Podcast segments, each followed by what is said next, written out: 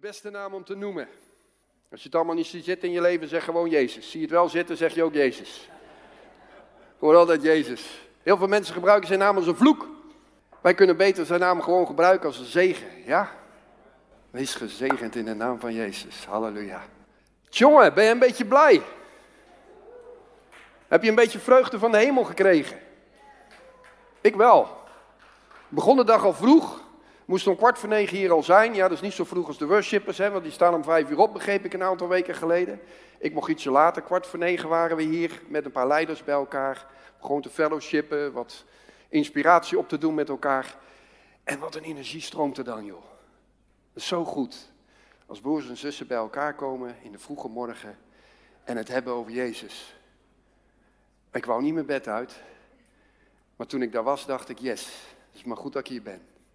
En daarom is het goed dat jij hier bent. En het is goed dat je kijkt. Misschien had je ook geen zin om hier te zijn. Wie had geen zin om hier te zijn? Wie durfde zijn hand op te steken?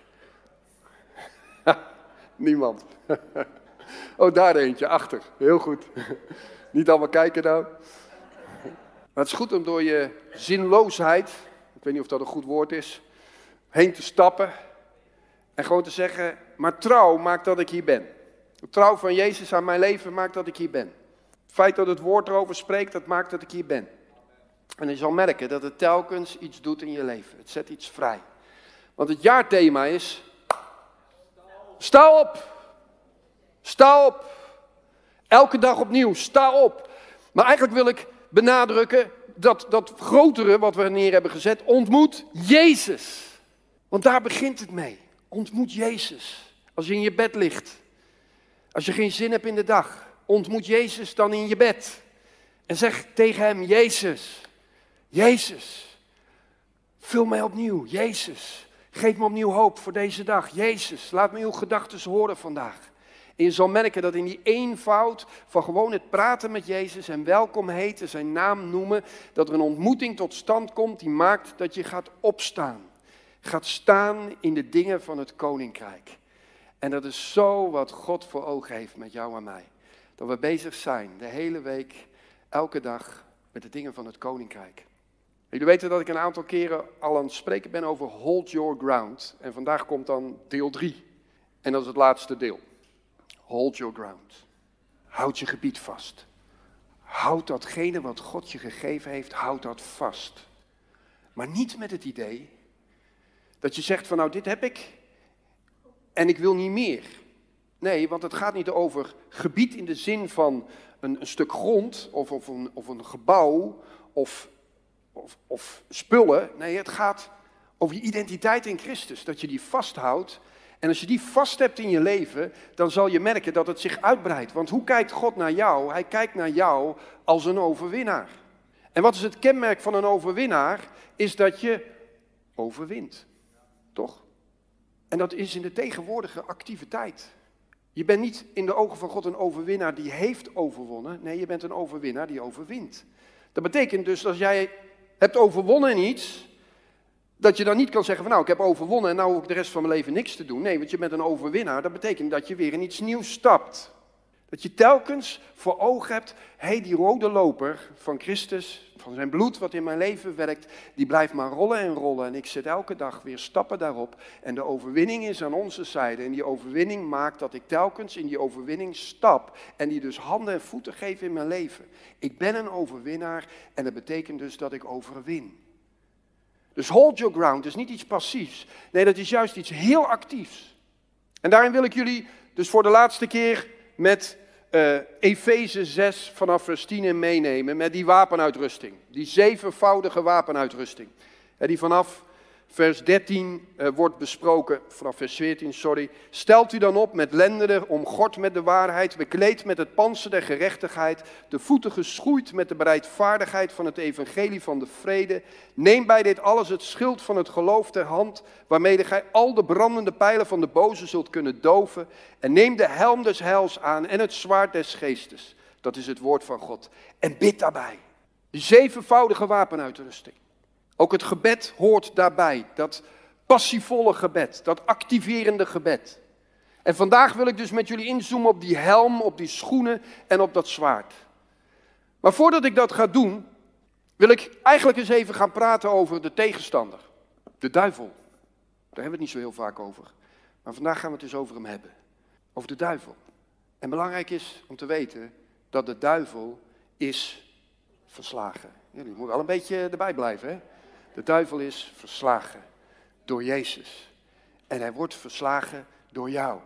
Hij is verslagen door Jezus en hij wordt verslagen door jou. Romeinen praat erover dat hij onder onze voet wordt verdelgd. Onder jouw voet. Er is iets actiefs gebeurd door Jezus, wat een mega shift heeft gebracht in heel de geestelijke wereld. Maar tegelijkertijd zegt de schrift, maar jij zal je je voet op moeten plaatsen. Jij zal die overwinning die Jezus heeft bewerkt, zal jij moeten laten overwinnen in jouw leven en in de levens die God op je pad brengt. Dat betekent dus dat we iets begrip moeten hebben van die tegenstander. Nou, feit is dus dat hij verslagen is. Feit is ook dat hij dus nog steeds actief is. Ook al is hij verslagen, is hij nog steeds actief. Want er zijn heel veel mensen op deze aarde die hem gewoon nog voeding geven. Die hem gezag geven. Ook al heeft Jezus Christus het gezag van hem afgenomen door als mens te sterven in onze zonde. Hij heeft al onze zonde op zich genomen en heeft het, de mens heeft hij daarin op zich genomen op dat kruis en heeft het in de dood gebracht. En daarmee was heel onze overgave de duivel was niet gedaan. En Jezus stond op in een nieuwe natuur, zodat wij konden leven als zonen en dochters. En in autoriteit van Hem konden gaan leven vanuit onze intimiteit met Hem, met Jezus. Maar er zijn er heel veel die geloven dat niet. Heel veel die leven daar niet uit. Met als gevolg dat de duivel nog heel veel energie krijgt van mensen. Dat heel veel mensen nog gewoon net doet alsof hij de baas is. Bewust. En dan zijn het satanaanbidders, occultisten. Maar ook heel veel mensen doen het onbewust. Maar dat maakt hem niet zoveel uit. Natuurlijk, hij vindt het leukst als het heel bewust gebeurt. Maar zelfs dat onbewuste geeft hem gezag, geeft hem energie. Maakt dat hij gewoon zichzelf nog steeds kan tonen als een opgepompt figuur. Maar er is goed nieuws. Het feit is ook dat de Bijbel zegt in Openbaringen 20, vers 10: En de duivel die hen verleidde, werd geworpen in de poel van vuur en zwavel in alle eeuwigheden. Er komt een moment dat het feit dat hij verslagen is door Jezus helemaal zichtbaar wordt en hij wordt in alle eeuwigheden in de poel van het vuur geworpen. Er komt een einde aan zijn schijnregering. Nou, dat moet ons een beetje vertrouwen geven, toch? Hey. We weten dat, we, dat Christus heeft overwonnen, we weten dat wij moeten overwinnen, maar we weten ook dat het succesvol gaat worden. Amen? Geef mij in ieder geval energie. De duivel verleidde mensen vanaf het begin af aan. Dat deed hij met Avan en Eda. Ja. Adam en Eva. Ik ging iets te snel praten. Adam en Eva. Hij verleidde hen. Hij verleidde Jezus in de woestijn. En hij verleidt tot op de dag van vandaag ons. Waarin verleidt hij nou ons? Wat is nou het kenmerkende wat hij wil doen in zijn verleiding? Hij wil je weghouden van je identiteit die God je gegeven heeft.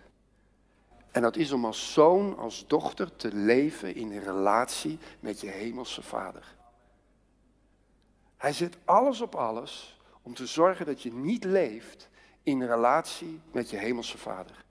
Hij is anti-relatie met God. Hij is anti-relatie sowieso. Hij houdt niet van relaties. Hij houdt niet van verbonden. Hij houdt niet van trouw. Dus voortdurend is hij op zoek om mensen te verleiden om het zelf te doen, om het los te doen van God.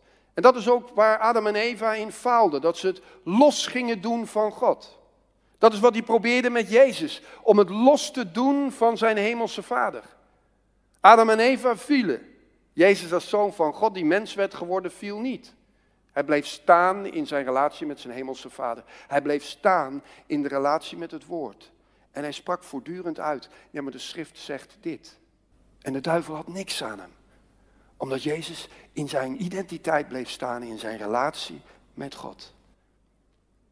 Nou, dat is belangrijk voor jou en mij, dat we ons realiseren dat hij, ook al ben je nu een kind van God geworden, en als je dat nog niet bent, dan kan je dat vandaag worden, maar ook al ben je een kind van God, dat hij nog steeds probeert om je relatie met God te verstoren. Om je relatie met het lichaam van Christus te verstoren. Om relaties met broers en zussen te verstoren.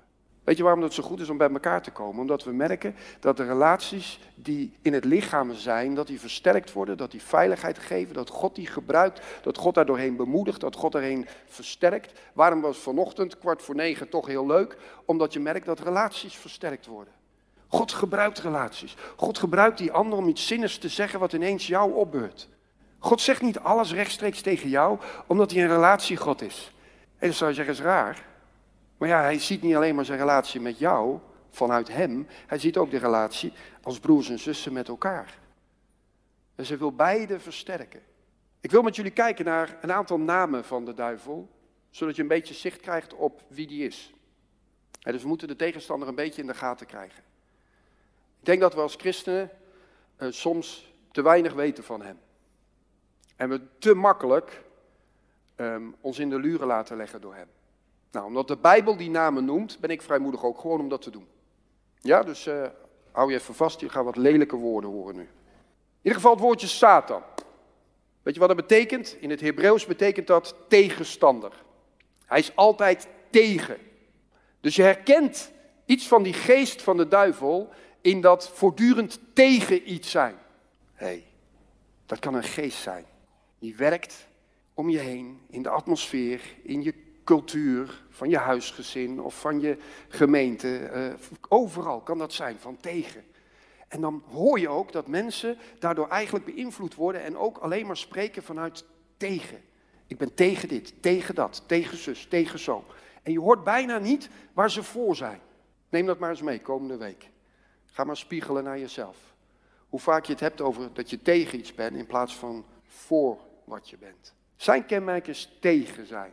Nou, ik wil niet aan zijn kant staan. Dus ik wil leren om te spreken voor. In het Grieks is het woordje satanas. Dat vind je in 1 Thessalonicense 2 vers 18 bijvoorbeeld. En dat is afgeleid van het woordje Satan en dat betekent zwerven. Hij is een zwerver. Zie je ook bij Job, hè, dat hij de aarde rondzwerfde en dat hij op zoek was wie die kon klieren. Een zwerver. Iemand die nergens zijn thuis heeft. Nee, dat klopt, want hij is uit de hemel geknikkerd. Hij voelt zich ontheemd. Maar tegelijkertijd is dat zijn atmosfeer die hij dus wil brengen ook in levens van mensen. Mensen die zich niet willen hechten. Mensen die van de ene kerk naar de andere kerk gaan. Dat heeft iets te maken met dat hij dat wil zetten in je leven. Hij wil dat je nergens wortel schiet. Jezus wel. Het is dus goed om te ontdekken van, hé, hey, luister ik misschien naar die geest. Die demonische geest die me eigenlijk wil onthechten, die me af wil houden van de gemeenschap der heiligen. Dan wordt het tijd dat ik een stelling ga nemen, een keuze ga maken en ga zeggen, nee, ik kies voor het leven met Christus. Ik kies voor het leven met zijn gemeente. Ik ga me wortelen. Ik ga, me, ik ga voor iets zijn. Ik ga voor een gemeente zijn. Ik ga voor het lichaam van Christus zijn. Ik ga voor de kerk spreken. Ik ga hoopvol spreken. We hadden die afgelopen woensdagavond hadden we Jan Pol. Waar heel wat mensen waren daar, volgens mij een stuk of vijftig. En die heeft al heel veel dingen meegemaakt in zijn gemeente. Hij is al bijna 25 jaar voorganger geweest. Heel veel dingen, heel veel toestanden. Maar hij spreekt vanuit de geest van Jezus, dus hij spreekt voor. Voor de kerk, voor de gemeente. Hoopvol. Oh, de aantallen zijn wat minder, maar ik geloof in groei. Ik geloof in opwekking. Ik geloof dat God mensen brengt. En we kijken maar aan en ik zeg, ja, in diezelfde geest sta ik ook. En ik zeg, het is ook logisch. Want God houdt van alle mensen. Dus hij wil alle mensen tot, tot bekering brengen. En er zijn nog zoveel mensen die hem niet kennen. En dan zie ik op zijn gezicht precies hetzelfde. Ja, dat is logisch. Tuurlijk moeten de huizen vol. Want God houdt van mensen. Waarom zouden we iets anders durven zeggen? Heel goed, dat is nou zo'n goede amen. Dankjewel. Hij wordt ook wel oude slang genoemd. 2 Korinthe 11 vers 2 vind je dat. Oud, niet in de zin van dat hij oud bejaard is en futloos en niks meer kan. Nee, Oud in de zin van dat hij al heel lang meegaat en dat hij heel goed weet hoe die mensen moet verleiden. Dus onderschat hem niet. Hij is heel listig. Hij kan het heel slim spelen. Hij kan met een gevoel in je leven werken waarvan jij denkt, dat is mijn gevoel. Maar het is zijn gevoel. En daarom komt er ook aan dat je gaat heersen over je gevoelens. Dat je geest leiding neemt over je ziel en lichaam en in verbinding is met Gods geest. En dat je je gevoel opmerkt, maar dat je dat gevoel gewoon zegent. Heer, dank u wel. we gaan dit gevoel nu onder uw gehoorzaamheid brengen. En dan ga je vanzelf merken of dat gevoel uit God was of niet. Want soms gebruikt God natuurlijk gevoelens. Maar dan ga je vanzelf merken, als je de naam van Jezus over uitspreekt, wat er, wat er met dat gevoel gebeurt. Maar dat vraagt activering, bewustzijn. Ik leef in een wereld waarin de duivel nog steeds bezig is om te verleiden. En waarin je niet passief bent van nou, ik zie hem niet, dus hij is er niet. Nou, je ziet hem niet, maar hij is er wel. Hij wordt ook genoemd diabolos. Dat is een Grieks woord. En dat betekent aanklager, lasteraar, verdeler. Hé, hey, ken je dat? Ineens een gedachte in je hoofd. Jij kan het niet. Wat je nu ja op hebt gezegd is te moeilijk voor jou. Dit is een klus die boven je bereik is. Je moet je schamen. Durf jij dit te doen? Maar jij, jij hebt daar helemaal de ervaring niet voor. Je hebt de papieren niet voor. Je hebt daar de geestelijkheid niet voor. Die stemmetjes in je hoofd die je voortdurend naar minder waardig brengen. Daar zijn expert in. Staat dat verhaal in van Jozua, de hoge priester, hè, waar de aanklager bij staat. Staat in Zacharia, waarin hij alleen maar zegt van die, die man deugt niet. Kijk eens hoe vies dat hij is. Maar Jezus zegt nee, ik was hem. Ik reinig hem. Ik trek hem een lofgewaad aan. Dat is Jezus. Maar herken die andere gedachten die ineens daar zijn. En weersta ze. Zullen we het zo over hebben als we over die wapenuitrusting spreken. Hij wordt ook wel Beelzebul of Beelzebub genoemd. Vind je Matthäus 10 vers 25. En dat betekent heer van de vliegen. Daarom kijk ik altijd een beetje apart naar vliegen.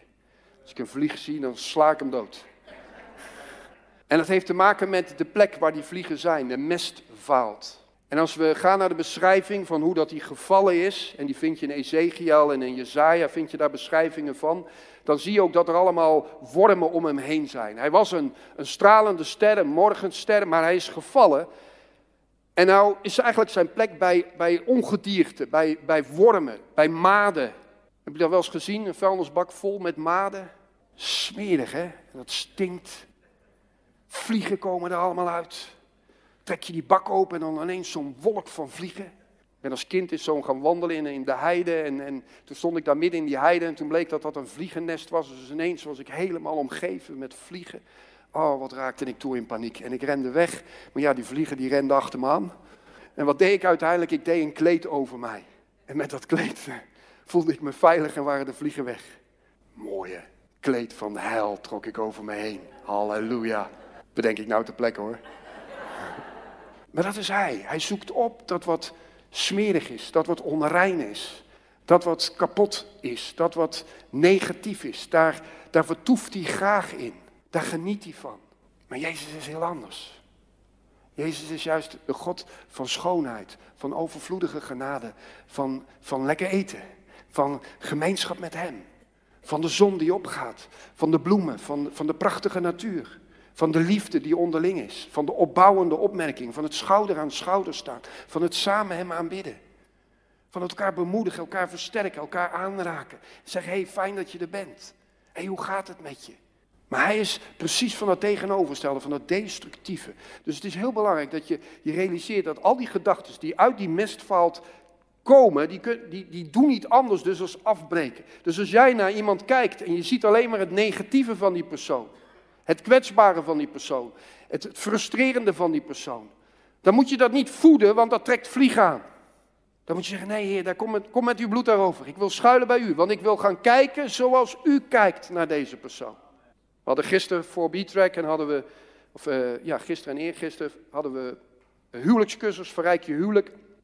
En er was een van de opdrachten ook, vraag aan Jezus hoe hij kijkt naar je huwelijk. En dan zeg ik altijd, en je weet of je het goede antwoord krijgt, als het iets negatief is, waarin je moet denken aan je huwelijk en dan denkt aan je partner die op dit en dit moet veranderen, dan is het niet van Jezus, dan is het van jezelf. Maar als je iets kijkt wat voelt alsof, ja maar dit kan niet waar zijn. Dit kan niet waar zijn.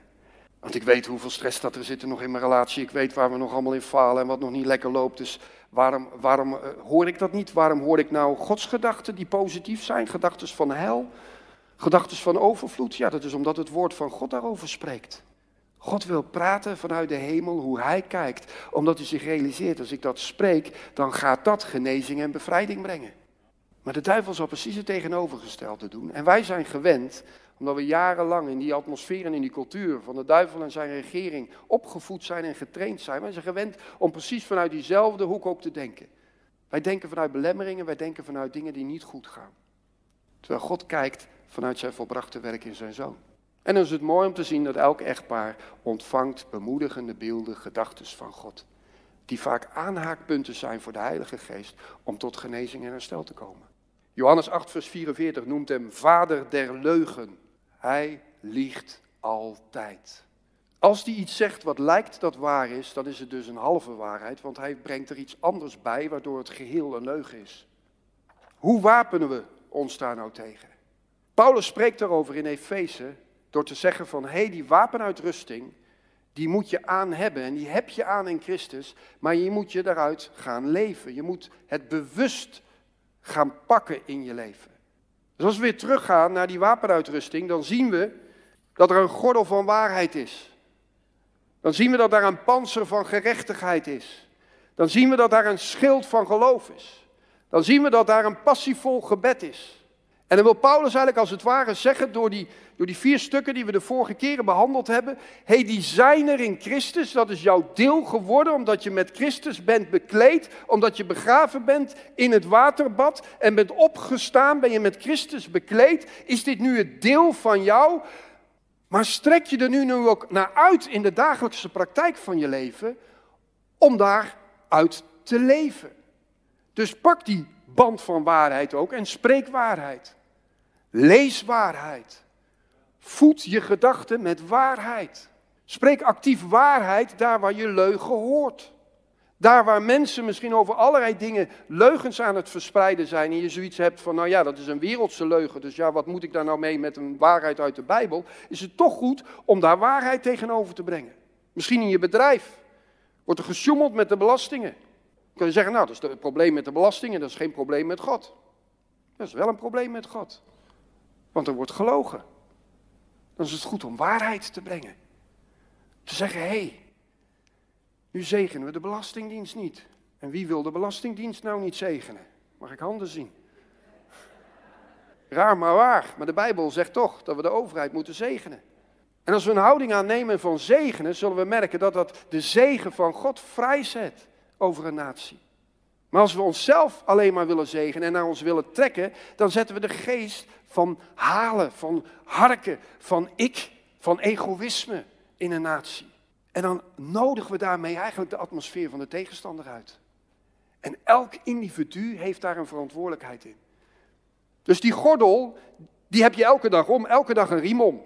Elke dag draag je dat bewust hey, ik ben geroepen om waarheid te brengen. Ik ben geroepen om mezelf te beschermen in het panzer der gerechtigheid. Dat ik bewust ben wat ik ook doe.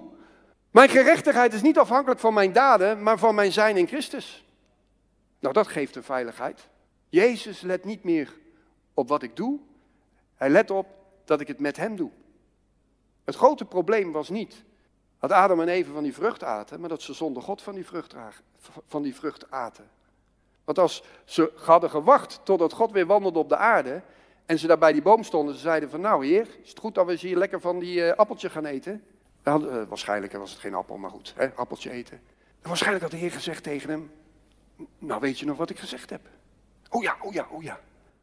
En ik heb toch zoveel andere vruchten, dankjewel, andere vruchten gegeven, die zijn veel beter. Deze maakt je onafhankelijk van mij. Het probleem zit in dat we zoveel dingen niet in intimiteit met Jezus doen. Het probleem is niet dat je porno kijkt, en dan moet je me heel goed horen. Het probleem is niet dat je porno kijkt, het probleem is dat je zonder Jezus naar porno kijkt. Wow. Denk je dat je als kind van God zonder Jezus naar porno kan kijken? Dat kan niet. Je kan alleen maar met Hem kijken, want Hij is woning gemaakt in jou. Dus hoe dan ook, je kijkt met Hem.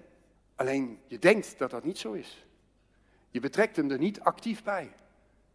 Want zodra je dat gaat zeggen, hé hey Jezus, kom, we gaan gezamenlijk porno kijken. Dan denk ik dat er iets gaat gebeuren in je, of niet? Want zodra je dat zegt, Jezus, we gaan samen kijken, zal je merken dat zijn kracht, zijn liefde gaat werken in je hart. En dat je ineens kijkt naar een man of een vrouw en je denkt, hé, hey, wat is dit toch sneu? Wat is dit toch gebondenheid? Wat is dit toch onrein? Dit lijkt wel op die mestvaalt waar die vliegen vanaf komen. Iemand leeft niet meer en handelt niet meer zoals God het bedoeld heeft. Dit is slavernij. Ik ga bidden voor deze persoon. Ik ga bidden voor mezelf en ik laat het los. En ik ga niet langer meer in deze valstrik stappen van de tegenstander. Dat maakt dat je in vrijheid komt, omdat je in intimiteit gaat wandelen met Jezus elke dag. En hem juist ook in de moeites van je leven betrekt en zegt, Heer, ik laat me niet langer verleiden om de dingen zonder u te doen. Want dat is de verleiding van de duivel. Nee, ik ga leren om de dingen allemaal met u te doen. En dan zal ik als overwinnaar uit die strijd komen. Want ik ga ervaren dat uw aanwezigheid kracht is. Dat uw opstandingskracht stroomt omdat u van me houdt. Ik kan het niet, niet tegenhouden. Zodra ik u uitnodig, kan niks in mij uw liefde meer tegenhouden. En ik voel dat het gaat werken in mijn hart en heeft veranderd. En mijn gedachten worden anders. En mijn wensen worden anders. En mijn honger wordt anders. Dat is de sleutel naar verandering. Schild van geloof. Geloof, pistis, is gewoon vertrouwen. Bam, je zet het schild neer tegen al die vijandelijke pijlen die op je afgevoerd worden, die relaties willen verwarren, die het moeilijk willen maken in de gemeente. En je zegt, ik vertrouw Jezus. En dat hoef je niet eens uit te spreken. Het is gewoon de daad van gehoorzaamheid dat je hier bent vandaag. Geloof is niet altijd dat je super actief spreekt zoals ik nu doe. En lekker luid spreekt en lekker beweegt en, en, en krachtige woorden zegt. Nee, geloof is ook gewoon dat je laat zien, ik vertrouw Jezus in mijn leven. Ik vier avondmaal, klein cupje, maar ik vier het elke dag. Ik neem het tot me, want ik vertrouw Jezus dat Hij me er doorheen voedt. Ik ben in het huis van de Heer, hoe ik me nou voel of niet. Want ik, ik vertrouw Jezus dat Hij er iets door zegent. En nu wil ik met jullie gaan naar welke schoenen heb je aan? Welke schoenen heb je aan? Want die wapenuitrusting heeft ook schoenen. Welke schoenen heb je aan? Ze staan heel mooi. Je voeten geschoeid met de bereidvaardigheid van het evangelie van de vrede. Dat zijn rare schoenen. Ja toch? Kijk maar naar je schoenen.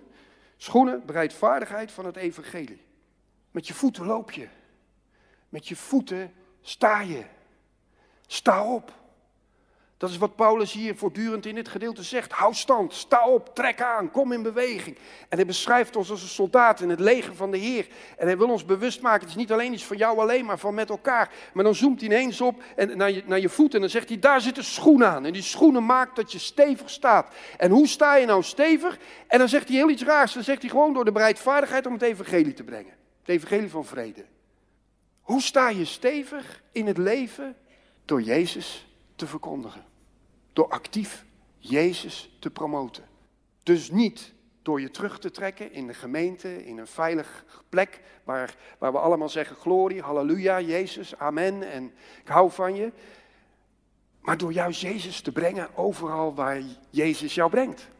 En daar Jezus daden te laten zien. Daar Jezus te promoten. Daar over Jezus te spreken. Om te verwachten dat Jezus daar mensen wil bereiken. Dat hij mensen wil genezen. Dat hij mensen wil redden. Dat je je mond opent. Dat je je handen opent. Dat je je portemonnee opent. Dat je in alles laat zien. Jij ontmoet nu iemand die vanuit de hemel leeft. En dat maakt dat je stevig staat. En hij refereert aan de schoenen van die soldaten en die hadden van die spijkers onder zich. dus als die een, een schoen neerzetten, dan stonden ze ook echt stevig in die grond. En dan konden ze druk weer staan. En het is Paulus die zegt van, hé, hey, je gaat alleen maar stevig door de strijd van dit leven heen als je je vrijmoedigheid om het evangelie te verkondigen niet laat roven.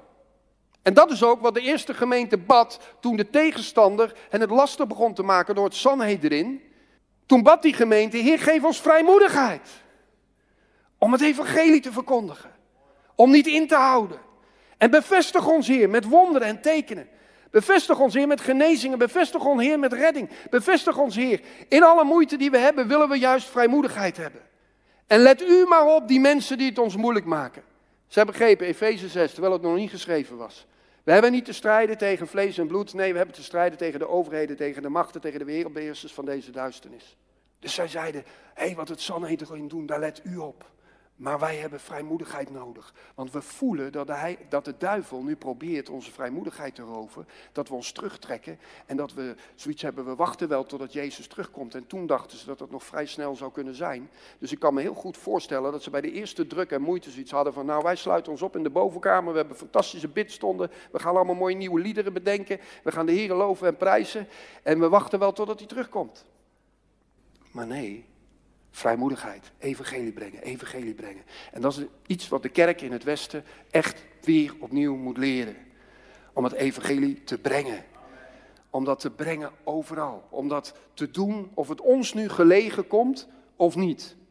Dus 2 eh, Timotheus 4, daar staat verkondig het woord, dring erop aan, gelegen of ongelegen, wederleg, bestraf en bemoedig met alle langmoedigheid en onderrichting. Dat gelegen of ongelegen, dat heeft niet altijd te maken met degene die het ontvangt, maar heeft vooral te maken met jou. Komt mij nu niet gelegen, heer, want ik ben nu in een zakelijke bespreking met iemand en hij zegt wel inderdaad iets wat, ja, wat wel een open deur zou kunnen zijn om iets te vertellen over u. Maar ja, ik moet nu een zakendeal regelen, dus dat gaan we nu even niet doen. Van wie komt de zegen? Van die zakendeal of van de Heer? Hey, vrijmoedigheid, vrijmoedigheid. Dat je voortdurend alert bent. Heer, dit is een deur die u opent en ik wil daardoor binnen gaan. Hanteer het zwaard. Dat is de enige die ik heel erg ehm, ja, leuk vind. van de hele wapenuitrusting precies, yes, zwaard. de rest, dat voelt allemaal zo'n beetje passief toch aan. Zo van verdedigend. Niet zo leuk, maar ik heb al eerder gezegd, heel die wapenuitrusting is bedoeld om aan te vallen. Dus de rest is eigenlijk net zo goed onderdeel van om in beweging te zijn en stappen naar voren te zetten. Maar het zwaard voelt voor ons nog iets van yes, daarmee gaan we echt die overwinningen neerzetten. Yes, en dan slaan we mee. En dan koppelt Paulus dat aan het woord van God. Hij gebruikt het woord van God. Maar dan moet je het woord van God wel kennen. Dan moet je het je eigen hebben gemaakt. Dan moet je weten hoe God denkt. En hoe meer je daarvan voller bent, hoe meer je zal merken, hé, hey, als ik het uitspreek, als ik het uitspreek naar mezelf, maar ook als ik het uitspreek naar situaties, naar mensen, dan verandert er ineens iets. Dan gebeurt er ineens iets. En soms merk je ook echt, gisteren had ik ook zo'n moment, moesten we met een echtpaar bidden. En dan, dan komen er wat leugens die gezaaid zijn in het leven, komen naar boven. En, en dan, dan weet je gewoon heerlijk, weet je wel, leugens komen naar boven. Leugens komen naar boven. Het komt aan het licht. En dan gaan we waarheid brengen. En dan ga je de Heilige Geest uitnodigen. Wilt u de waarheid laten zien? dan, hou ik me in, want ik ben altijd geneigd om dan zelf die waarheid te brengen. Ik wil graag met dat zwaard aan de gang, maar dan hou ik me in. En dan, en dan zeg ik tegen die ander van, hij vraagt maar aan God, welke waarheid wil hij wil die nu spreken? En ineens dan, dan, dan komt er zo'n download vanuit de hemel. En dan komt er allemaal waarheid in de gedachten. En die worden uitgesproken. En dan voel je dat sommige woorden hebben gewoon zwaardlading, zou ik dan willen zeggen. Dan gebeurt er ook echt iets. En dan hou ik me meestal niet in en dan ga ik ook meespreken. Want dan wil ik bekrachtigen. Yes. Dan wil ik dat eenparigheid spreken. Yes. Waar twee of drie vergaderd zijn in mijn naam, daar ben ik in het midden. En dan spreek ik mee uit. En dan zijn het simpele woorden. Eenvoudige woorden. Maar het is als het zwaard van God wat verandering brengt en wat situaties doorbreekt. En wat ineens maakt dat de hemel mee gaat werken. Weet je, we hebben allemaal dezelfde wapenuitrusting. Allemaal. God geeft jou geen andere wapenuitrusting als mij. We hebben precies hetzelfde. Bij de ene ziet het wat stoerder uit dan bij de andere, afhankelijk van hoe je eruit ziet misschien. Maar allemaal hebben we hetzelfde. Maar het komt er niet op aan hoe dat eruit ziet. Maar het komt erop aan hoe getraind dat je erin bent. En daarin verschillen we nogal. Maar ik wil je niet ontmoedigen, ik wil je juist bemoedigen. Vandaag kan je kiezen om getrainder te worden door actiever met die wapenuitrusting om te gaan. Door actiever te zeggen, Heer, elke dag wordt voor mij een dag waarin ik ga ontdekken welke uitrusting ik eigenlijk aan heb. En dat ik hem actiever ga aanzetten. Nou, de derde en de laatste van vandaag is, zet je helm op. En die heb je altijd op. Die helm van het heil, die je gedachtes bewaart waarin je het heil van Christus voortdurend in je gedachten laat werken. Een hel, dat is dat Griekse woord, hè, wat soteria is, en dat betekent genezing. Hè, waarin gedachten die, die negatief zijn, die rouwend zijn, waarin schade is gedaan in je verleden, waar die helm van het heil, die reinigt die gedachten en die maakt die gedachten heel. En je zal merken dat, dat, dat die processen, als je die helm ophoudt, als je, dat ja, als je hem bewust ophoudt, dan zal je merken dat in de loop van de tijd je gedachten veranderen en vernieuwd worden. En dat wat in het verleden aan jou gedaan is, dat dat niet meer dezelfde lading heeft in het heden, omdat je gedachten veranderd zijn. Gedachten genezen zijn. En dat is zo belangrijk dat je actief die, die gedachten vasthoudt van God, En dat de vijand probeert dat voortdurend te verstoren, maakte ik zelfs vanochtend mee. Ik lag in mijn bed, ik was al wakker. En ineens is er een gedachte in me van, nou, het is helemaal niet zo zinnig wat je, wat je gaat preken vandaag. Je gaat gewoon maar uh, een paar dingen behandelen. Dus uh, helm, zwaard, schoenen. Wat een boodschap. Die was er ineens. En met dat die gedachte er was, was er ineens een hele ontmoediging. Een hele sfeer van, ja, dat is eigenlijk wel heel simpel. Maar direct werd ik me weer bewust van, ja, maar ik heb een helm op. Dit is niet een gedachte uit God, het evangelie is eenvoudig. Het woord van God is eenvoudig. Paulus heeft dit geschreven en de gemeente die zei amen en ze ging aan de gang. Ik moet er nog een heel verhaal bij vertellen. Maar er komt een tijd, dan lezen ze gewoon de Bijbel en dan zegt iedereen amen. En jullie sprinten allemaal weer en jullie gaan de oost binnenhalen. En het wordt hier gewoon een in- en uitgaan en we hebben alleen maar getuigenisdiensten. Want het woord heeft in zich al heel veel kracht. Maar het woord blijft eenvoudig. We hoeven het woord niet ingewikkelder te gaan maken met al onze verhalen eromheen. Het woord is eenvoudig. Hoort het en doet het. Dus dat zette ik daar tegenover en ik stond weer fluitend op en ik had er zin in. En uh, nou, met de leiders hierboven was er ook weer iemand die zei van nou wat is het evangelie toch simpel. En toen zei ik yes, amen, dat is ook het woord wat ik nodig heb. En dus toen viel alles weer bij elkaar. En ik geloof dat wanneer wij die wapenuitrusting, als we die serieuzer gaan nemen in ons leven en dat gezamenlijk gaan doen, dat we dus ook met elkaar gaan zien hoe God zijn koninkrijk vurig en snel en, en, en, en super eh, impactvol zal gaan bouwen in onze tijd. En dat we allemaal onze plek daarin innemen. En dat we ons realiseren dat erin voor ons allemaal evenveel waarde zit. Dat er voor God niet is van oh, een voorganger is relevanter uh, als een koster. Nee, allemaal in onze wapenuitrusting maakt dat we met elkaar het leger van Christus zijn en maakt dat wij de boel in bezit nemen. Ik geloof dat we in deze natie als kerk, en niet als alleen maar als Nehemia, maar als kerk, dat we heel veel invloed mogen hebben. Maar weet je dat dat niks te maken heeft met bijvoorbeeld een voorganger? Ik zit er echt niet op te wachten dat ik met Mark Rutte om de tafel ga zitten en dat ik hem nou even tot de Heer leid. Dat zou prima vinden, daar gaat het even niet om. Maar het is niet het ultieme van dat een voorganger ehm, met de leider van het land moet connecten en dat we zo op die wijze invloed hebben in heel de natie. Nee, ik geloof dat wij allemaal als ambassadeurs invloed moeten willen hebben in deze natie en Christus moeten brengen. En dan is het aan Christus wie hij voor wat gebruikt. Dan kan hij mij daarvoor gebruiken, ja, maar hij kan ook jou daarvoor gebruiken. Kennen allemaal het verhaal in 2 Koningen 5, hè, naar. Die had een probleem. En hij ging naar Elisa. Maar hij kwam bij Elisa vanwege dat dienstmeisje. Dat dienstmeisje, dat Joodse dienstmeisje, wat door Naaman gevangen was genomen, en was een Syriër. En zij was daar als slavin. En dat meisje, dat zag dat Naaman ziek was en dat hij nood had. En ze had zoiets, hé, hey, maar ik ken de oplossing. Een dienstmeisje, ze kende de oplossing. Hoor je dat? Dienstmeisje wist de oplossing. En ze was vrijmoedig. Ze zei, hé, hey, ik ken de oplossing. Ga naar Elisa, want hij kent God.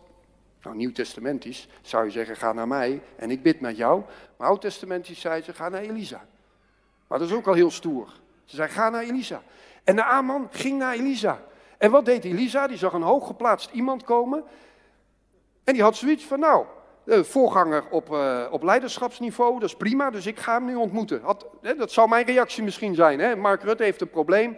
En uh, het wordt tegen Mark Rutte gezegd, dan moet je naar Nehemia gaan. En dat krijg ik te horen en dan denk ik, yes. En dan zeg ik, nou prima, kom maar langs. En dan ga ik met Mark Rutte spreken. Dat zouden wij logisch vinden, hè?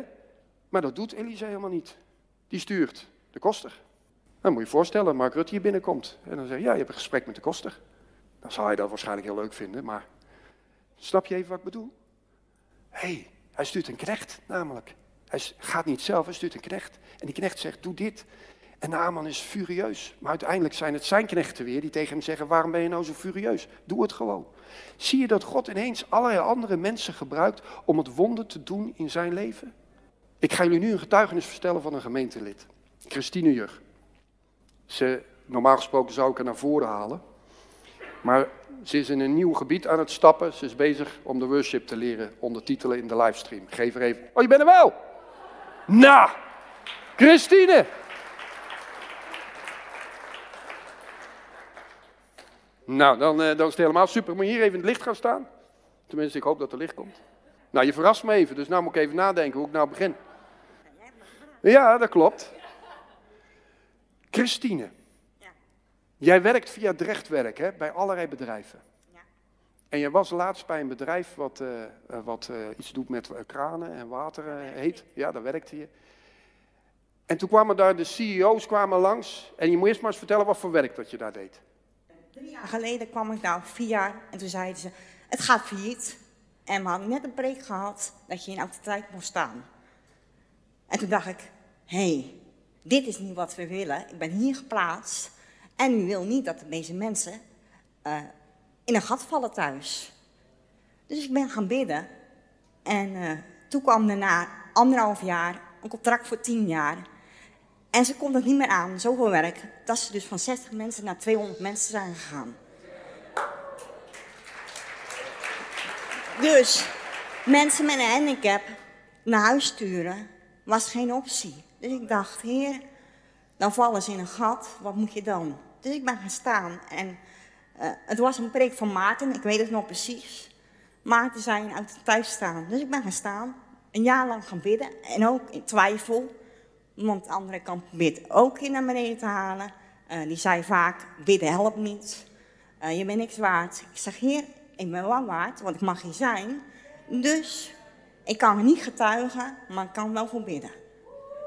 Nou, en dat heb ik gedaan. En toen kwam de CEO, die kwam langs en die zei tegen een, een, een gast... Uh, een klant, ik snap niet hoe het bedrijf na drie jaar zo goed kan gaan. En toen dacht ik, heer, ja, ik heb ervoor gebeden. Dus ik weet het wel. Maar op dat moment kan ik dat niet zeggen, want er stonden tien klanten omheen. Ja, dat ga je niet doen. Maar ik dacht wel, heer, dank u wel. En er waren zoveel mensen die het zeiden van buitenaf, maar ook van binnenuit, dat ze verbaasd stonden. Dus ik dacht, heer, ik ben niet voor niks geplaatst. En nou ben je ergens anders weer, hè? Ja, en nou ben ik weer ergens anders. Want ik mocht het werk niet meer doen vanwege mijn knieën. Dus God heeft me weer ergens anders geplaatst. En daar ben ik weer gaan bidden. Amen. Nou, dankjewel. Mooi hè? Dus ja, wie wil haar in dienst hebben? En zo wil God iedereen gebruiken in deze samenleving. Zo wil God jou gebruiken. Maar hij vraagt van jou dat je je serieus neemt dat wat hij je gegeven heeft. En dan kunnen we allemaal gaan roemen in de Heer. En misschien ben jij wel CEO en, en, en hou je van Jezus en betrek je Hem in alle besluiten die je doet. Dan kan je getuigen van wat Jezus door je heen doet. Maar hetzelfde geldt kan iemand anders die in een bedrijf werkt en een heel andere positie heeft, kan ook getuigen van dat wat de Heer doet. Omdat de Heer op zijn hart legt om gewoon te bidden en te zegenen. En wat Christine nog vergat te zeggen is dat ze ook opgevoed is in de traditie om altijd voor de werkgever waar je geplaatst bent om daarvoor te bidden. Omdat het woord van God dat aangeeft. Hoeveel zegen kan je in je leven bouwen door gewoon dagelijks te doen dat wat de schrift.